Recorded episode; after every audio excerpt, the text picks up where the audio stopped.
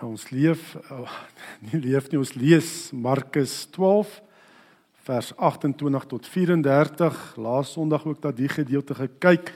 Dit gaan veral oor die groot gebod. Groot gebod Markus 12 vers 28 tot 34. Ja, ek moet sê as ons so sing en die Here loof en prys oor wie hy is, dan lig dit sommer mense gees so, nê? Gees ehm um, God van almag, God van genesing, God van krag, nê, en bovenal oor ons 'n God van liefde. Dis die wonderlike. En ehm um, Jesus openbaar aan ons God se hart ook in hierdie gedeelte. Wat wil hy van ons hê? Want wie is hy? En ek lees Markus 12 vanaf vers 28 een van die skrifgeleerdes, ekskuus. Een van die skrifgeleerdes het hulle hoor redeneer en nader gestaan. Toe hy sien dat Jesus hulle goeie antwoord gegee het, vra hy vir hulle: "Vra hy vir hom: Wat is die heel grootste gebod?" En Jesus antwoord hom: "Die eerste is: Luister Israel, die Here ons God is die enigste Here. Jy moet die Here jou God lief hê met jou hele hart en met jou hele siel, met jou hele verstand en met al jou krag." Die tweede is jy moet jou naaste lief hê soos jouself. Geen ander gebod is groter as die twee nie. Pragtig meneer sê die skrifgeleerde vir hom.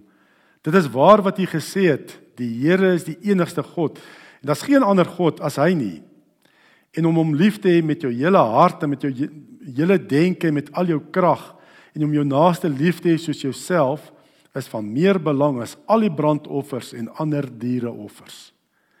Toe Jesus hom so verstandig oor praat, sê hy vir hom: "Jy is nie ver van die koninkryk van God af nie." Niemand het dit toe meer gewaag om hom met 'n vraag te stel nie. Ons gaan veral uh vanoggend fokus op die tweede deel, nê, nee, wat die groot gebod tweedens behels en dit is jy moet jou naaste lief hê soos jouself. Ja, ons leef regtig in besonderse uitdagende tye. Um net weens hierdie COVID pandemie soveel mense wat al gesterf het, nê, en mense naby aan ons het al gesterf. Mense wat ons ken, bekendes het gesterf. En mense leef in isolasie, nê, en vreesagtig bang vir die dood, bang gaan die pandemie opdoen, kan self sterf. En dit is nie net ouer mense nie, dit is ook jong mense wat mense hoor, nê, wat sterf. En mense is in isolasie en moet ook nog die hartseer van geliefdes aan die dood af dan self hanteer in isolasie, vreesagtig ook oor jou eie gesondheid. Ehm um, en dan gebeur ook nog ander dinge ook wat wat nie lekker is nie, die onrus in ons land en al die dinge nê wat ook ons ekonomie, die pandemiese effek die ekonomie op die, op sy knie het nê.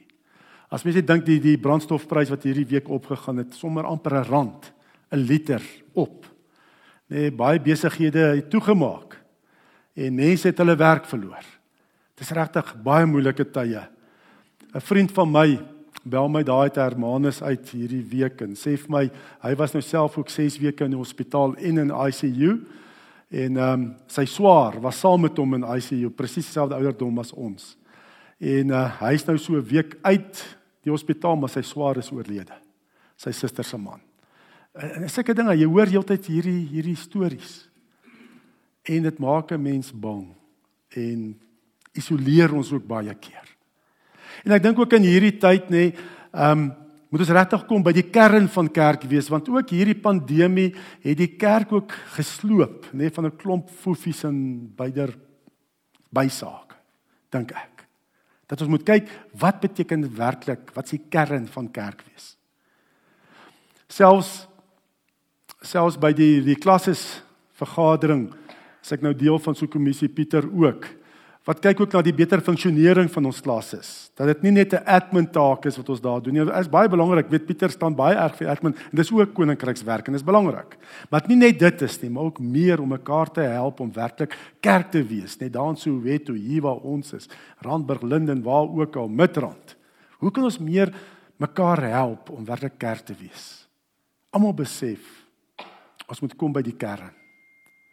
Daar is nie meer ehm um, ruimte nie om tyd te mors nie. Waaroor gaan dit om kerk te wees? En so kom ook lees ons ook in hierdie skrifgedeelte dat 'n skrifgeleerde eendag na Jesus toe gekom en hom gevra het wat is die belangrikste bevel in die Bybel? En Jesus sê toe vir hom, weet jy al doen jy niks anders nie, maar jy doen hierdie twee dinge nê. Dan doen jy reg, want dit is die belangrikste. En wat is dit natuurlik? God liefde hê bo alles en jou naaste soos jouself waar Jesus sê jy moet die Here jou God lief hê met jou hele hart, jou hele siel en met jou hele verstand en met al jou krag. Die tweede is jy moet jou naaste lief hê soos jouself. Geen ander gebod is groter as die twee nie. ja, laas ons nog daarna gekyk. Eerstens om God lief te hê. Dis die belangrikste. Hoekom? Omdat God ons natuurlik eers lief gehad het. Om eintlik net God terug lief te hê met sy liefde wat hy ons uitstort deur sy gees en deur Jesus. En hom terug liefde om hom te aanbid. En dan nou vandag die tweede gedeelte, jy moet ook jou naaste lief hê soos jouself. Laas Sondag gesien om God lief te hê, vat ons saam met die woord aanbidding.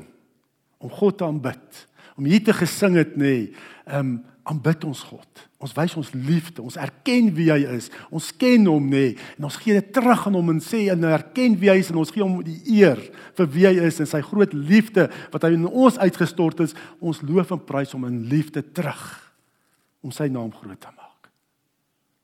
Om te aanbid nê, nee, om liefde hê met jou met jou verstand nê, nee, om te fokus as ons sing, as ons bid nê, nee, uh, is om met jou verstand God lief te hê.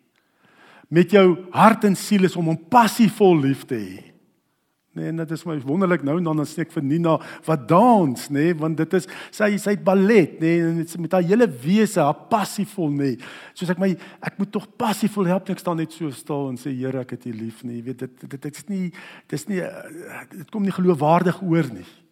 As jy tog iemand liefhet, nê, jy wys dit, dit wys in jou liggaam. En dan ook moet ons God met al ons kragte lief hê. Nee, ons moet absoluut prakties vir God lief hê. Dinge doen, liefdesdade doen. En dit het ons gekyk laas Sondag daarna. En dan um, nou tweedens, ons naaste lief hê soos onsself. Ons moet alle mense lief hê. Nee, Jesus vertel ons 'n gelykenis oor die barmhartige Samaritaan om te sê wie jou naaste. Eilik is alle mense jou naaste, almal met wie jy paai kruis. En God wil hê ons moet alle mense lief hê, maar veral veral wil God hê ons moet diegene lief hê in ons geloofsfamilie, in God se geloofsfamilie waar hy jou geplaas het. Hulle veral lief hê. Dis waar dit begin. Ehm um, Petrus skryf Julle moet alle mense respekteer en julle moet medegelowiges en julle medegelowiges lief hê. Dis waar dit begin. Uh Paulus beamoed dit. Galasiërs 6 vers 10. Solank ons die geleentheid het, moet ons dis aan almal goed doen, maar veral aan ons medegelowiges. Dis hier waar dit begin. Um dis die voorkeur. Ek moet eerstens my geloofsfamilie, medegelowiges moet ek lief hê. Dis baie belangrik. Hoekom? Hoekom moet ons voorkeur gee aan ons medegelowiges? Hoekom veral om my medegelowige lief hê? En dit is omdat God 'n familie wil hê. Dit is God se hart. Hy soek 'n familie. Eilik die hele Bybel praat van hoe hy 'n familie heeltyd bymekaar maak. Israel, sy verbondsvolk, sy familie. In die Nuwe Testament, net die gelowiges vorm sy familie. God wil 'n familie hê. En sy familie, ons hier moet veral bekend wees vir ons liefde. Dis wat moet uitstaan. Jesus sê kort voor sy kruisiging sê hy gee julle 'n nuwe gebod, nê? Nee? Sê aan sy disippels, hy sê as julle mekaar liefhet, sal almal weet dat julle disippels van my is. Dit is die kenmerk van God se geloofsfamilie is liefde. Liefde kerk moet bekend staan van wie hulle liefde as mense inkom moet hulle die liefde van die Here onder mekaar hier ervaar. En dat ons ontvanklik is vir nuwe mense om deel te word van ons familie. Ag ek het seker al 'n paar keer vertel toe ek eendag by 'n gemeente gaan preek het omdat ek op 'n tweetal was om beroep te word en ehm um, my van my gesin het saam gegaan en uh en my gesin ek is toe kon se storie toe saam die kerkraad en my gesin het nou staan gaan sit in die banke en uh Ilse Marie hulle moes so 3 keer opstaan op 'n ander plek gaan sit want hulle sit op sekere mense se plekke wat al vir jare daar sit. Nee, uh, mense groet jou nie maar sê jy moet skuif. Jy weet so dit kan nie. Dit kan nie. Dis hartseer. God se disippels moet bekend wees vir hulle liefde vir alle mense maar veral vir mekaar. Ehm um, familie is vir God so belangrik dat hy vir homself gesinsname gee. God die Vader, God die Seun en God die Heilige Gees. Is gesinsname. Familie dat God hier familie wil hê so belangrik dat Jesus die hoogste prys vir jou en my betaal het aan die kruis om ons 'n familie te maak. Om ons broers en susters van mekaar te maak, 'n geloofsfamilie te maak. Die hoogste prys aan die kruis om verzoening te doen vir ons sondes en ons deel van God se familie, sy geloofsfamilie te maak. Paulus skryf Efesiërs 1 vers 5: "In sy liefde het hy ons vir ons sy genadige beskikking toe ook al daarvoor bestem om deur Jesus Christus sy kinders te wees." Dit is hoekom Jesus aan die kruis gesterf het om ons God se kinders te maak, sy gesin te maak, sy familie te maak. Geloof in Jesus Christus. Wat wat gebeur as jy kom tot geloof in Jesus Christus as jou saligmaker en verlosser? Eerstens, God word my Vader. Wat 'n voorreg is dit. Dat die almagtige God, skepper van hemel en aarde, word my pappa. Paulus sê in Romeine 8, Abba Vader. Dit is hoe wat ons God noem, nê, nee, pappa. Dis dit is die klein joetjies in Aramees, hulle pappas, nê, nee, hulle vader so genoem, Abba, pappa. God word my Vader in Christus en ons sy kinders. En uh, Jesus is ons ouste broer. En dan verder, die kerk word my geestelike familie in Christus. Ons is regtig broers en susters van mekaar. En as ons werklik God liefhet, hom aanbid, dan sal ek ook my geloofsfamilie lief hê. Sal ek hulle lief hê. Ons weet almal van ja, Johannes skryf in sy eerste brief, 1 Johannes 4 vers 20 en 21. As iemand sê ek het God lief en hy haat sy broer, is hy leenaar, want wie sy broer wat hy kan sien nie liefhet nie, kan onmoontlik vir God lief hê wat hy nie kan sien nie. En hierdie gebod het ons van hom gekry. Wie vir God liefhet, moet ook sy broer lief hê. Jy kan nie sê ek kan bid God, ek het God lief. Maar ek hou nie van die kerk nie, my geloofsfamilie nie. As ek werk God aanbid, sal ek ook met my geloofsfamilie lief hê en gemeenskap sal hê met medegelowiges. En dit is wat liefde in 'n geloofsfamilie is 'n term voor en ons noem dit die gemeenskap van die gelowiges. Dis 'n term. Soos liefde vir God aanbidding is, is liefde vir my geloofsfamilie, nê, nee, loop uit op gemeenskap te hê met medegelowiges. Ons moet hier gemeenskap hê met mekaar. En dis hoekom ook daai hier van die ouderlinge sê ons moet net weer bietjie saam braai. Nê? Nee? Ons moet gemeenskap hê met mekaar. Ons moenie net hier sit en net sê hallo, hoe gaan dit en dan gaan ons ons fokus en is goed en is reg nê, nee? maar ek wil bietjie meer weet van jou daarom jy braai vleis vir nê. Nee? Bietjie gesels met mekaar. Hoe gaan by jou werk? Hoe gaan dit en so nê mekaar ondersteun. Gemeenskap is so belangrik. Ja, aanbidding lei tot liefde vir God se familie deur gemeenskap met medegelowiges. So Christendom behels nie net geloof in Christus nie, maar ook om iewers te, te behoort. Jy moet iewers ter deel wees van 'n geloofsfamilie van God, want dit is van belangrik. Dis kom hy sy seun gegee het. So is nie net geloof nie, maar jy moet iewers ter hoort. Jy moet jou by die liggaam van Christus voeg. Uiters belangrik. Um Efesiërs 2 2 vers 19. Julle is nie meer ver van God af nie, nie bywoners nie, maar medeburgers van die gelowiges en lede van die huisgesin van God. As ek nie meer ver van God is nie, ek is nou by God, dan is ek ook deel van die gelowiges en deel van sy huisgesin. Outomaties. So, sekere mense sê baie keer sê baie keer ek is lief vir Jesus. Lief vir Jesus Christus. Maar ek hou nie van die kerk nie. Dis wat mense baie keer sê, jy hoor dit praat. Hulle het dalk seer gekry in die kerk, ek weet nie. So ek's nie vir Jesus, maar ek hou nie van die kerk nie. Dit maak nie sin nie. Dis so goed ek sê vir jou, "Sjoe, wil jy ek is lief vir jou, maar jou liggaam kan ek nie uitstaan nie." Dit werk nie. Nê? Nee? Ons is die liggaam van Christus. Soos ek lief is vir Christus, gaan ek sy liggaam ook lief hê. Ander ding wat mense sê, Ek's 'n Christen, maar ek wil nie in 'n kerk behoort nie. Dit maak ook nie sin nie. Nê? Nee? Dis reeds in die kerk, in die geloofsfamilie waar jy prakties uitleef wat dit beteken om 'n Christen te wees. Dis hier wat ek dit leef en ek oefen en ek toegerus word om praktiese Christen te wees. Dis waar ek dit uitleef veral hier in die kerk, hier kerkgemeenskap.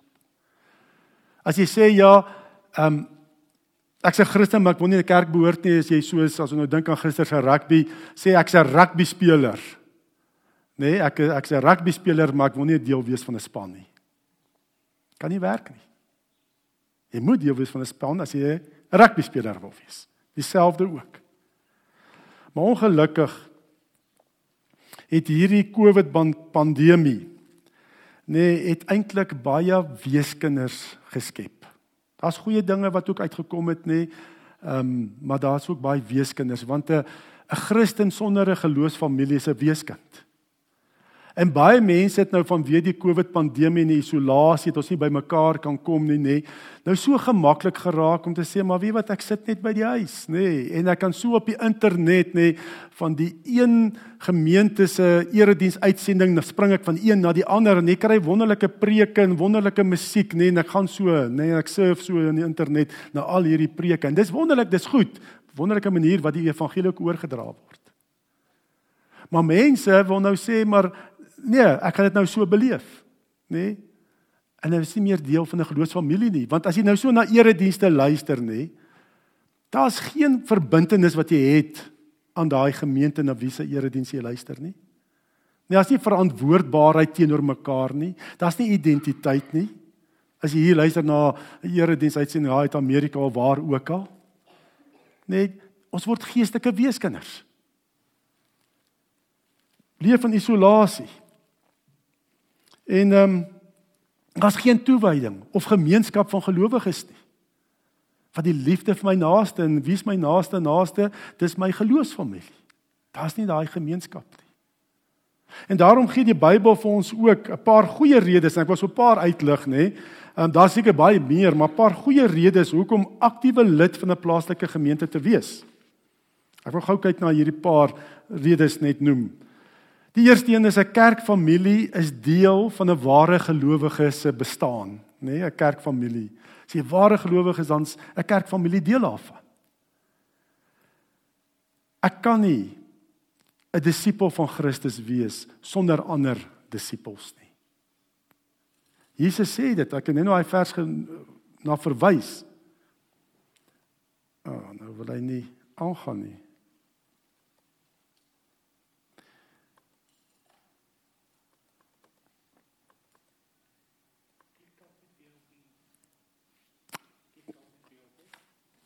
OK, kom ons kyk. Nee, maar die ding het nou gevries.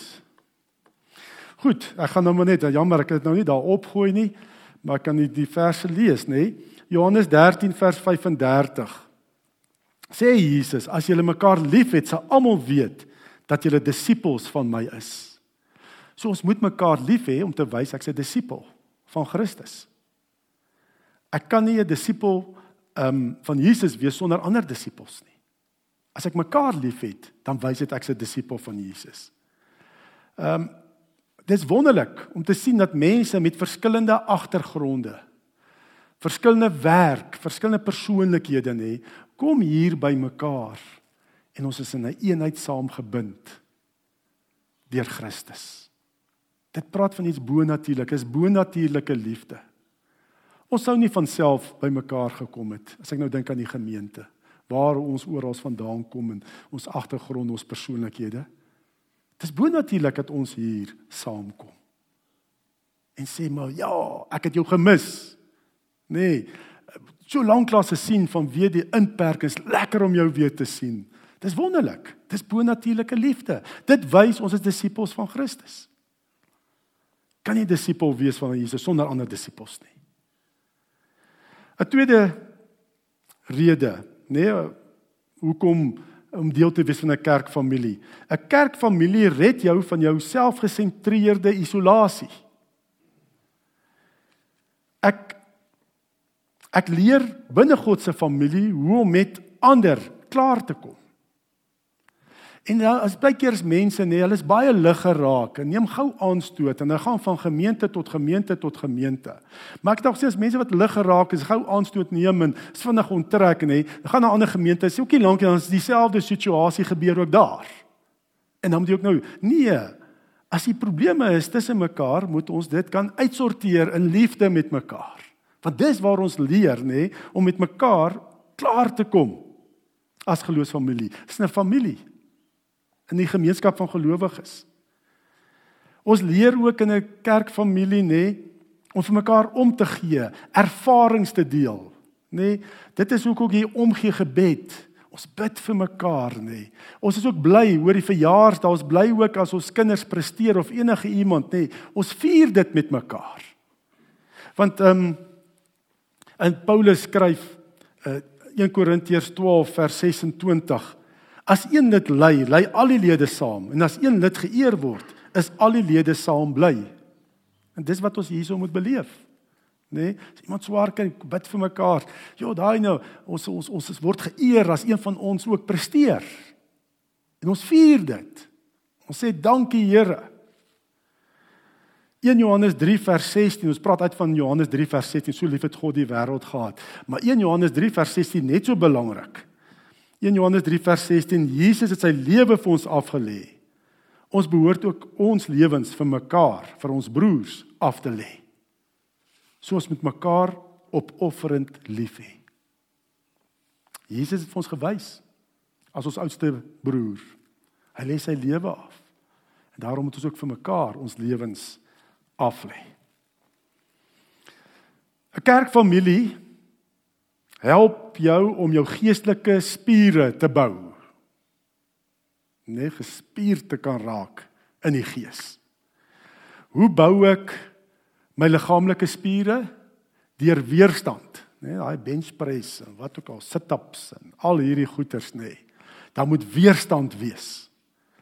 Want mens kan lekker dink, o, oh, ek my eie, ek is heilig, nee, ek dink ek is verskriklik heilig, nê, nee, want alles gaan so goed, maar daar's niemand wat wat ek wat my teë staan nie. Daar's niemand wat nie my voorkeure deel as ek op my eie is nie. Dan kan ek vinnig heilig voel. Maar dis nie getoets nie. Dis eintlik 'n illusie. O, ek is so heilig en mense kry baie van daai heiliges op Facebook in hierdie plekke. O, hulle is so heilig en heilig nê, maar hulle is te heilig om aan 'n plaaslike gemeente te behoort. En dan kan jy maklik heilig wees. Nee, want jy ervaar geen teenstand teen nie teenstand nie, geen ehm um, weerstand nie. Of ander mense wat ook 'n ander punt raak sien nie. Sulke tipe goed en jy dink net jy is reg.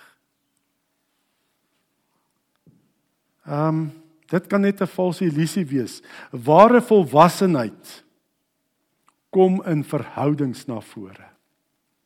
Dis wat wys of ek werklik volwasse is in Christus. Dit word getoets in verhoudings.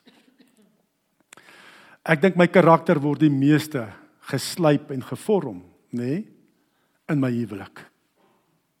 In ons almal se huwelik. Dis waar ons karakters gevorm word. En wat jy heeltyd moet vra, maar wat sê die Here? Wie's die man wie ek moet wees vir my vrou? Wie's die pa wie ek moet wees vir my kinders? Dit kom in verhoudings wat ons groei. Nie sonder verhoudings nie. Dit help nie net jy het kennis van die Bybel nie. Groei is nie net deur kennis van die Bybel nie, maar groei kom ook deur ander gelowiges. En daarom die Bybel is vol van mekaar tekste, soos hulle sê meer as 50 Daar's meer as 50 mekaar tekste in die Nuwe Testament. Wat sê ons moet vir mekaar lief wees. Ons moet mekaar aanspoor. Ons moet mekaar ondersteun. Ons moet mekaar vergewe. As jy nie 'n geloofsfamilie het wie jy hoef niemand te vergewe nie. Waar word getoets om te vergewe? Ek dink die grootste uitdrukking van liefde is vergifnis om te vergewe en sê ek vergewe jou en ek gaan aan met jou, saam met jou mekaar vergewe. Dan ook Jesus se liggaam het jou nodig. Ons is mos ledemate van die liggaam van Christus hier. En ons almal hier in die gemeente het 'n opdrag, 'n rol om te vervul in hierdie liggaam, in hierdie geloofsfamilie, elkeen van ons. En God gee vir ons gawes om jou rol hier te vervul in hierdie gemeente. Jy hoef dit nie uit jou eie krag te doen nie. Dis deur die Gees. In ehm um, 1 Korintiërs 12 vers 7 skryf Paulus aan elkeen afsonderlik word 'n werking van die Gees gegee tot voordeel van almal.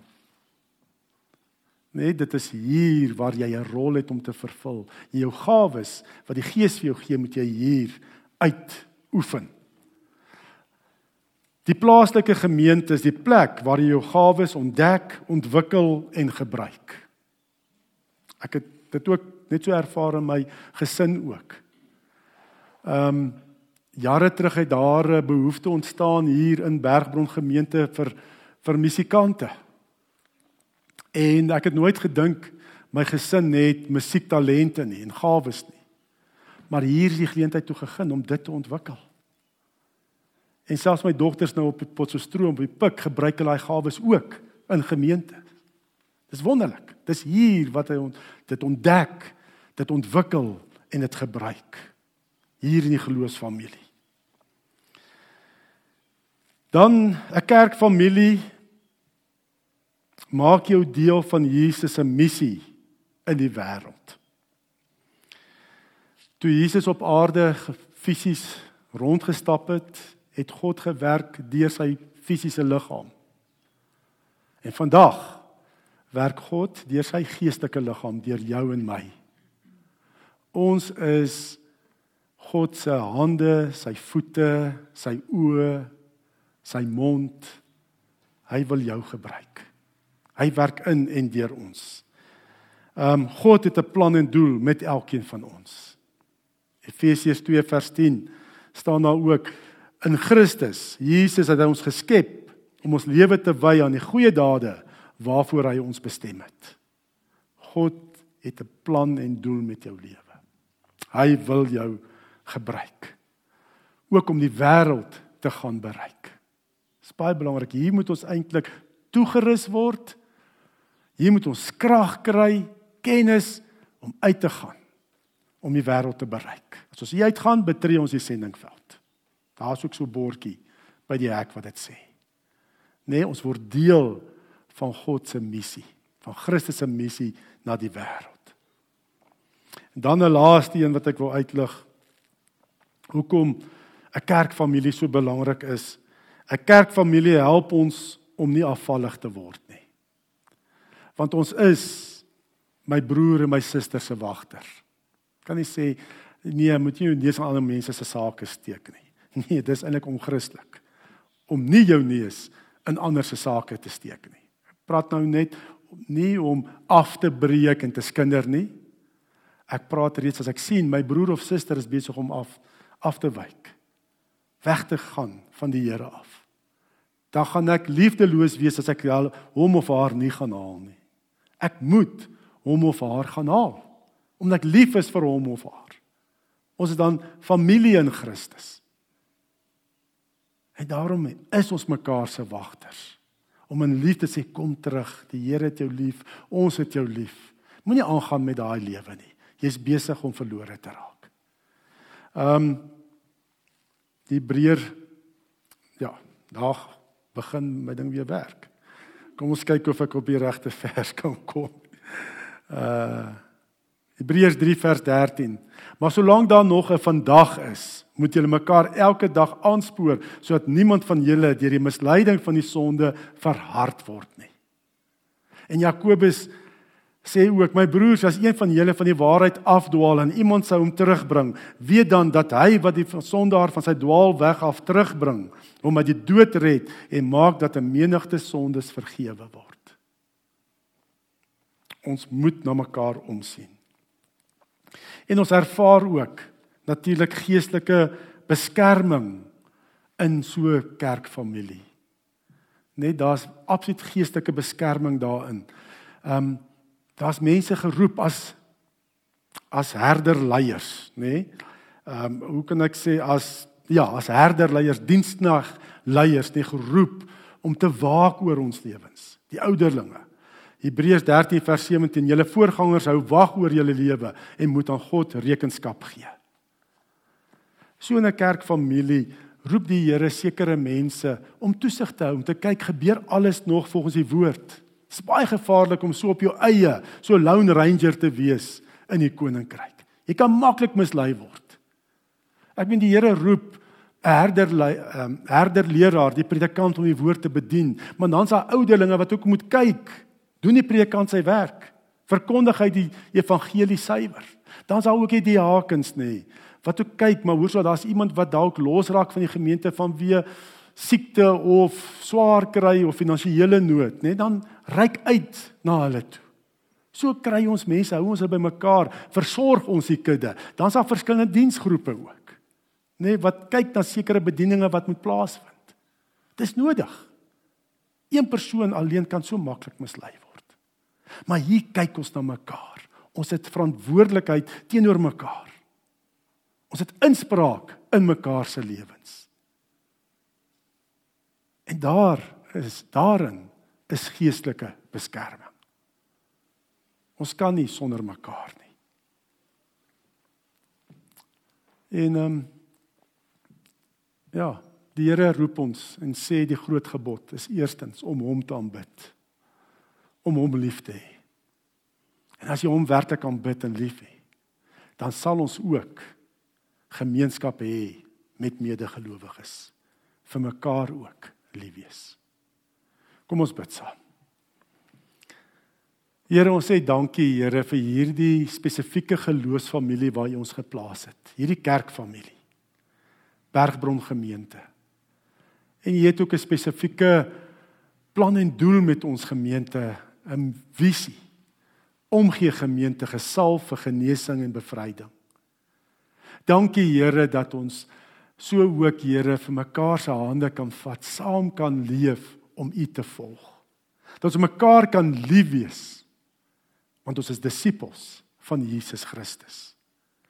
En laat dit net meer en meer tot stand kom hier tussen mekaar, dat ons werklik gemeenskap sal hê, een familie, liggaam sal wees wat U eer en dien en volg. En seën ons ook Here en wys ook vir ons Here as daar dalk 'n ledemaat losraak. En Here dat ons met mekaar sal praat om ook daai een skaap wat losraak van die kudde te gaan haal en terug te bring na die kudde toe want dit is u hart vir elkeen van ons.